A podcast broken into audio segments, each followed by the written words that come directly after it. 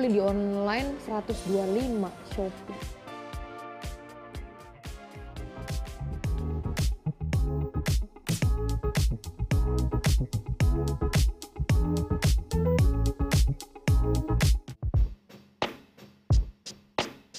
Berlokasi di Menteng, Jakarta Pusat, Cikini menjadi kawasan bisnis sekaligus tempat bernostalgia.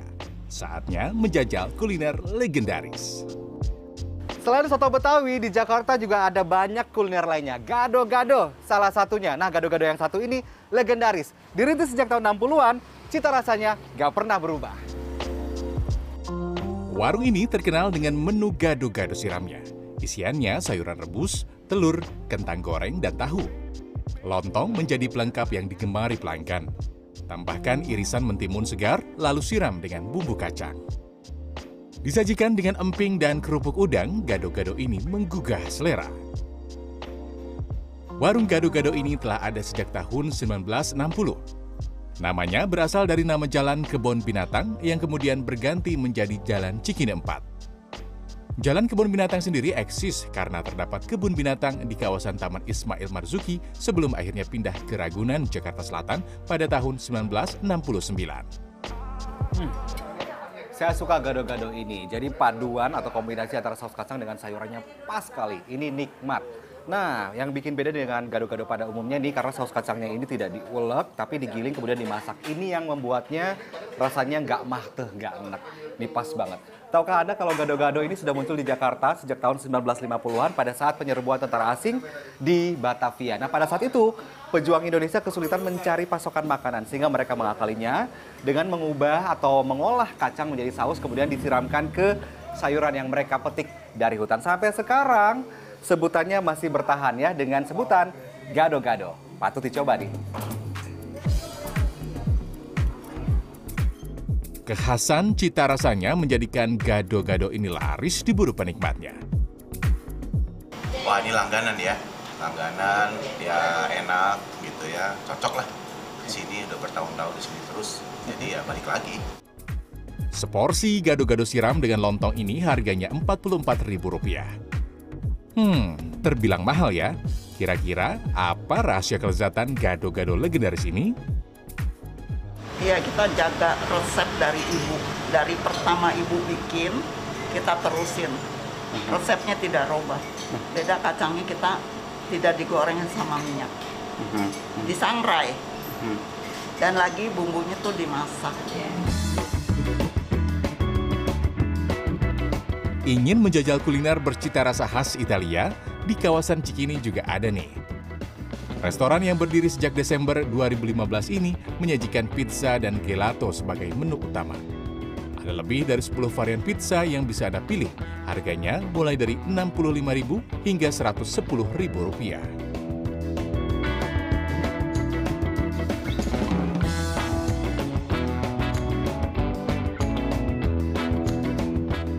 Saya pilih yang ini nih. Pizza dengan topping tenderloin panggang, zaitun hitam, jamur, dan tentunya mozzarella.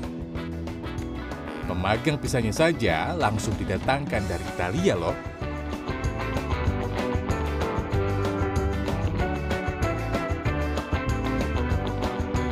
Sementara untuk gelato ada 12 rasa.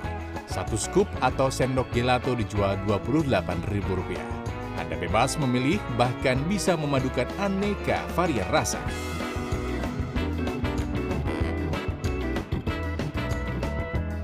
Karena doa atau adonannya ini didesain tipis, ini pizzanya renyah saat digigit. Dan menurut saya, ini tingkat kematangannya pas. Karena dipanggang di tungku pembakaran tradisional Italia dengan suhu 250 derajat Celcius aromanya khas sekali. Dan untuk gelatonya saya pesan banana slice. Di sini ada tiga varian rasa gelato, ada mint, strawberry dan juga coklat. Ditambah whipped cream, ini rasanya seger banget loh. Dan yang pasti teksturnya lebih lembut daripada es krim karena gelato, kandungan susunya lebih banyak.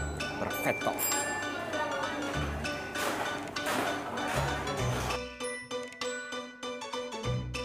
Puas menjajal kuliner lezat saatnya menyambangi Taman Ismail Marzuki masih di kawasan Cikini, di sini ada perpustakaan ramah anak loh.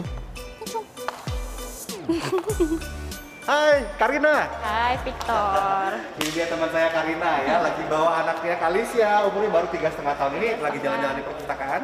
Udah kedua kali sih, kemarin udah sempat Udah sempat ke sini diundang ya? ke sini pas belum buka tapi. Oke, kalau gitu saya mau ajak anaknya Karina nih, anak teman saya buat jalan-jalan di perpustakaan. Yuk, main yuk. Yuk, Yuk, yuk kita sama lihat. Om. Tuh tuh. Kamu pegang tangannya Om. Ini dia perpustakaan kekinian di ibu kota, Perpustakaan Umum Daerah Provinsi DKI Jakarta.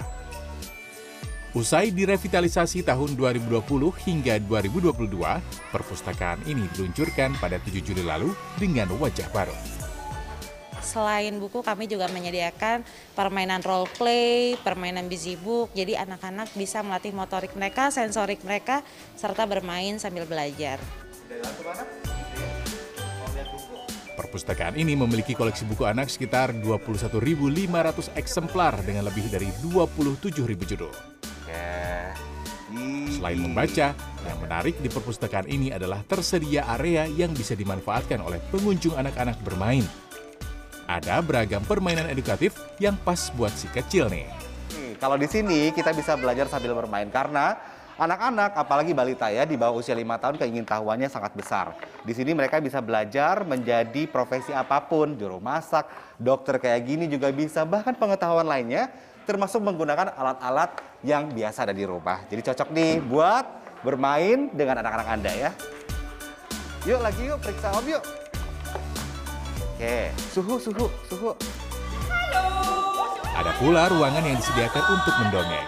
Kalau begini, anak-anak semakin betah deh berlama-lama di perpustakaan.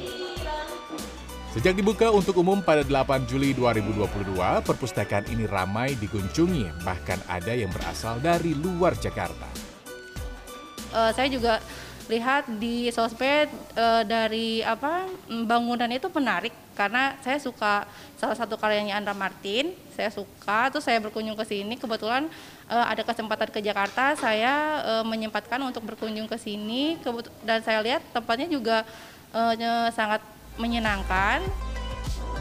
Untuk mengantisipasi kepadatan, pengelola membatasi jumlah pengunjung maksimal 300 orang dalam setiap waktu kunjungan. Perpustakaan ini buka setiap hari pukul 9 pagi hingga 5 sore. Selain membaca di tempat, pengunjung bisa meminjam buku untuk dibawa pulang secara cuma-cuma alias gratis. Karena interiornya didesain kekinian dan instagramable, perpustakaan ini juga bisa menjadi alternatif destinasi berlibur loh. Victor Pangaribuan, Fadli Julian, Jakarta.